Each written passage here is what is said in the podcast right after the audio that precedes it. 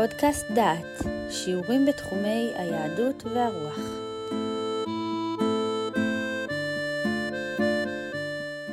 שופטים פרק ז' הקרב נגד מדיין. בחירת הלוחמים אזור הקרב מוכר לנו ממלחמת דבורה. זהו הקצה המזרחי של עמק יזרעאל.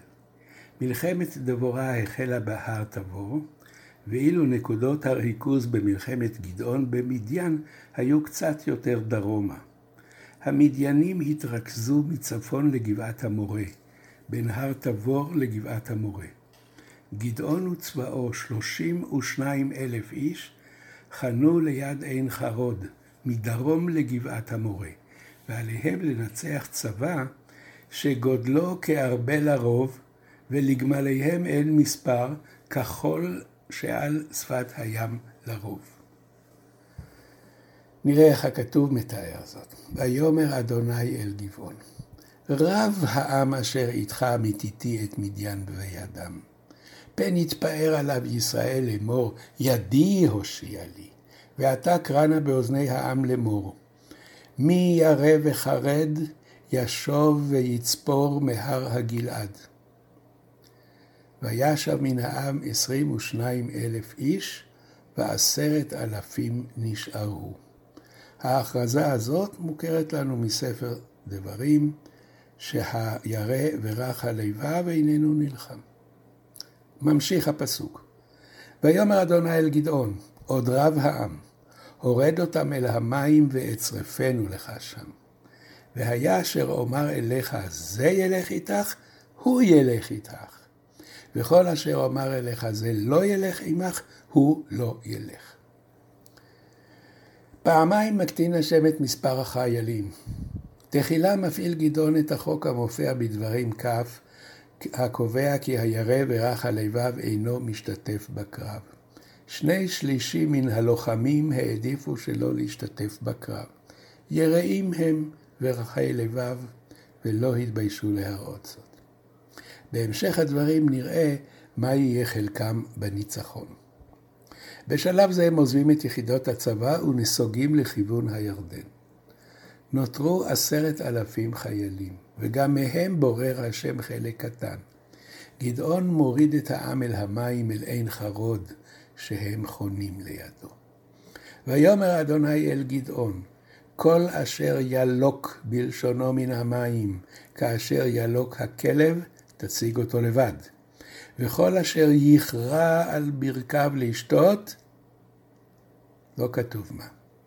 ויהי מספר המלקקים בידם אל פיהם שלוש מאות איש, וכל יתר העם קראו על ברכיהם לשתות. מבחן המים הוא מבחן בלתי ברור, וכל הפרשנים קדומים וחדשים תמהים מה היה המבחן. אז יש ניסיון לתת פתרון צבאי. הלוחמים שזחלו למים, שלא קראו על ברכיהם, זחלו ולא התגלו, אלה הם הלוחמים שיצאו לקרב. נתנו לזה גם פתרון ערכי. האנשים שנדחו הם אלה שקראו על ברכיהם, אלה שהיו רגילים לכרוע לבעל. אין תשובה בטוחה לעניין הזה והבעיה קיימת, אבל התוצאה ברורה. מצבא של 32 אלף איש בוחר גדעון 300 איש. ויאמר אדוני אל גדעון, בשלוט שמאות איש המלקקים אושיע אתכם, ונתתי את מדיין בידיך, וכל העם ילכו איש למקומו. עכשיו גדעון מחליט להתחיל את התכנון האופרטיבי של המלחמה. ויש כאן תיאור יפה מאוד של ריגול מקדים. אנחנו פגשנו את הריגול של משה, פגשנו את הריגול של יהושע, ועכשיו ריגול מסוג חדש. המצביא עצמו הולך לרגל. ויהי בלילה ההוא ויאמר אליו אדוני, קום, רד במחנה, כי נתתיו בידיך. ואם ירא אתה לרדת, רד אתה ופורה נערך אל המחנה. ושמעת מה ידברו, ואחר תחזקנה ידיך, וירדת במחנה. ויבוא גדעון, והנה איש מספר לרעהו חלום. ויאמר, הנה חלום חלמתי, והנה צליל לחם שעורים מתהפך במחנה מדיין. ויבוא עד האוהל, ויכהו, ויפול, ויהפכהו למעלה, ונפל האוהל. ויען רעהו ויאמר, אין זאת בלתי עם חרב גדעון בן יואש איש ישראל. נתן האלוהים בידו את מדיין ואת כל המחנה. ויהי כשמוע גדעון את מספר החלום ואת סברו, וישתחו, וישוב אל מחנה ישראל ויאמר, קומו, כי נתן אדוני בידכם את מחנה מדיין. השם מבטיח לגדעון ניצחון, אבל מציע לו לבדוק את מחנה מדיין בטרם קרב. גדעון שומע חלום של אחד מלוחמי מדיין. בחלום רואה הלוחם צליל לחם שעורים. לחם עבה מעין מצע עבה, מתהפך במחנה מדיין, מתגלגל לאורך כל המחנה, ומגיע לאוהל של אותו לוחם שחולם חלום. הלחם הופך את האוהל, ולאחר שהאוהל מתהפך, הוא מתפרק לגמרי. חברו יודע לפתור את החלום. הלחם מסמל את העיקר, את גדעון המגן על אדמתו ועל תבואתו. האוהל מסמל את נודדי המדבר, המעבירים את אוהליהם ממקום למקום. הלחם הופך את האוהל ומפרק אותו. מי מנצח בקרב בין העיקר לבין הנודד? העיקר. נשים לב לעניין נוסף בדברי חברו של החולם. אין הוא מדבר על מחנה מדיין בגוף ראשון. אין הוא אומר, נתן האלוהים בידו את מחננו. הוא אומר את מחנה מדיין ואת כל המחנה. יש כאן קבוצות שונות, מדיינים ואחרים. ואומנם קראנו קודם, כי מדיין אספו עמם את עמלק ואת בני קדם. חוסר אחידות במחנה, במחנה מדיין, רמוז כאן, והוא כנראה אחת הסיבות למהומה שהתפתחה במחנה בעת הקרב, כאשר לא ידעו להבחין בין אויב לאוהב. פרויד, כידוע, טוען שכל חלום הוא משאלה. אם נלך עם הפרשנות הזאת לחלום, ונזכור כי מחנה מדיין היה מין קואליציה של עמים שאינם מכירים זה את זה ואינם אוהבים זה את זה, נוכל להבין, להבין כאן משהו מעניין נוסף. אותו אדם שחולם חלום, יש לו משאלה שהמדיינים לא, לא יצליחו יותר מדי. המדיינים אינם הוא, אינם חבריו הטובים. המדיינים גייסו אותו בעל כורחו. ואז הוא חולם חלום שהמדיינים מפסידים את הקרב. אבל כל זה בסוגריים. אנחנו עוברים עכשיו לקרב גדעון במדיין. מלחמתו של גדעון התרחשה באמצע הלילה, בזמן חילופי השומרים. זמן זה הוא המתאים ביותר להתקפה הזאת. השמירה גרועה, כי משמרת אחת סיימה את תפקידה והאחרת עוד לא החלה.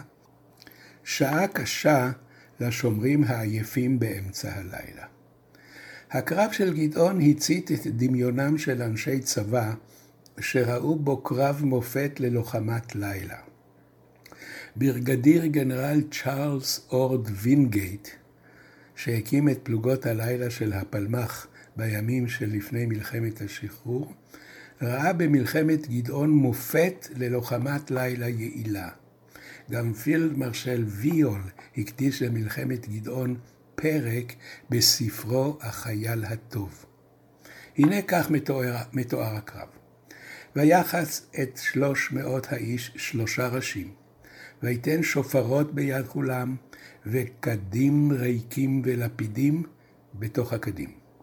ויאמר עליהם, ממני תראו וכן תעשו. והנה אנוכי בא בקצה המחנה. והיה כאשר אעשה, כן תעשון. ותקעתי בשופר אנוכי בכל אשר איתי, ותקעתם בשופרות גם אתם סביבות כל המחנה. ואמרתם לאדוני ולגדעון. גדעון הכין תוכנית פעולה מדויקת העונה על כל העקרונות שגם הצבא החדיש דורש ממשמרת, מלוחמת לילה. אחד, הכנה מדוקדקת של תוכנית פעולה. שניים, מספר מצומצם של חיילים כדי שלא יפריעו אחד לשני ולא יהיה צורך בתיאום. שלוש, חיילים מובחרים. ארבע, פיקוד ביד אדם אחד. הגדוד מחולק לשלושה, אחד תחת פיקודו של גדעון ושניים תחת פיקוד אחרים, המתארים את פעולותיהם לפי גדעון. חמש, טקטיקה מותאמת לתנאי החשיכה. הוא ניצל באופן יעיל את תנאי החשיכה, גרם למבוכה ויצר הפתעה. שש, ביצוע פעולות פשוטות. חיילים נדרשו להקיף את מחנה מדיין משלושה כיוונים, כאשר הם נושאים לפידים מוסתרים בקדים ושופרות. באמצעות הלפידים והשופרות הזדהו לוחמי גדעון, ואלה היו דרכי הקשר בין שלוש קבוצות הלוחמים. שבע, גדעון ואנשיו הכירו היטב את השטח, הם לחמו על אדמתם. גדעון עצמו ירד בחשאי למחנה מדיין והכיר את דרכי המחנה. שמונה, תכנון נכון של זמן ההתקפה. מסע הגדוד אל מקום הקרב בשעות הלילה הראשונות, מגיעים למטרה עם ראש האשמורת התיכונה, קרוב לחצות הלילה, ושעת ההתקפה היא שעת החלפת המשמרות. תשע, ביצוע בהתאם לתוכנית. גדעון הצליח לבצע את תוכניתו בדיוק כפי שהוא רצה. את ההסבר הזה נותן מלמ"ט במאמר מלחמת גדעון במדיין בתוך הספר היסטוריה צבאית של ארץ ישראל. נראה עכשיו כיצד מתאר הכתוב את ניצחונו של גדעון. ויבוא גדעון ומאה איש אשר איתו בקצה המחנה ראש האשמורת התיכונה, אך הקם הקימו את השומרים. ויתקעו בשופרות, ונפוץ הקדים אשר בידם. ויתקעו שלושת הראשים בשופרות, וישברו הקדים, ויחזיקו ביד שמאלם בלפידים, וביד ימינם השופרות לתקוע.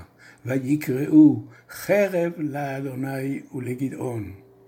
ויעמדו איש תחתיו סביב למחנה, וירוץ כל המחנה, ויריעו, וינוסו. ויתקעו שלוש מאות השופרות. וישם אדוני את חרב איש ברעהו ובכל המחנה. וינס המחנה עד בית השיטה צרי רתה, עד שפת אבל מחולה עד טבת. חיילי גדעון מבצעים בדיוק את מה שהוטל עליהם. מתקרבים בחשאי לעבר מחנה מדיין, בעת החלפת המשמרות תוקעים בשופרות, שוברים קדים ומגלים לפידים. יגאל ידין מסביר כי בתבליט של אשור ארניבל מצוירים חיילים שנלחמים בערבים כשהם מחזיקים בידיהם לפידים. החיילים שורפים את האוהלים, ויושבי האוהלים יוצאים החוצה ונופלים לתוך מהומה המקשה עליהם לשלוט במצב. זה היה כפי הנראה תפקיד הלפידים של חיילי גדעון. חיילי מדיין כללו, כפי שכבר ראינו, חיילים מאומות שונות, ולכן הם לא הכירו זה את זה במדויק. במהלך המהומה שהשתררה, רץ כל המחנה, ואין איש יודע מי אויב ומי בן ברית. התוצאה הייתה שכל אחד חשד בכל אחד, כל אחד התקיף את הבא מולו, וישם השם את חרב איש ברעהו ובכל המחנה. ואילו חיילי גדעון סביב המחנה, מחוץ לו ומחוץ לקרב. המהומה נגמרת בבריחה המונית של מחנה מדיין לכיוון הירדן, כדי לשוב אל מזרח הירדן, ארצם. עכשיו הגיעה שעתם של 32 האלף שהחליטו שלא להשתתף במלחמה. הם נשלחו לכיוון מזרח לעבר נהר הירדן. עכשיו הם מצטרפים לקרב. ומלאכים שלח גדעון בכל הר אפרים לאמור, רדו לקראת מדיין, ולכדו להם את המים את בית ורע ואת הירדן. צבא מדיין, הבורח מצבאו הקטן של גדעון, פוגש מולו צבא גדול הרבה יותר. 32 אלף חיילים עומדים עכשיו מול הצבא המנוצח וסוגרים את דרכו להימלט לעבר הירדן. הם תופסים את מעברות הירדן, אותם מעברים החשובים כל כך לצבא נסוג. בני אפרים תופסים את מעברות הירדן ושם הם מצליחים ללכוד את עורב ואת זאב, שני שרי צבא מדיין. צבא מדיין שנכנס לארץ ישראל הובס במלחמה. אולם גדעון אינו מסתפק בכך. הוא רוצה להשמיד את מדיין ולחסל את כוחם הצבאי לעולם. על כן הוא יוצא במסע ארוך ונועז, 150 קילומטר לתוך שטח מדיין במזרח הירדן. הוא מגיע לכרכור, שבו מתרכזים 15 אלף לוחמים שרידי צבא מדיין. הוא מכה מחנה זה, לוכד את שני מלכי מדיין, זבח וצלמונה, ובכך מקיץ הקץ על עוצמתה הצבאית של מדיין לעולם.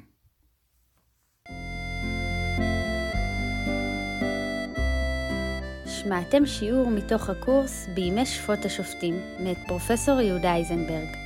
את הקורס המלא ניתן לשמוע באתר דעת במדור פודקאסט.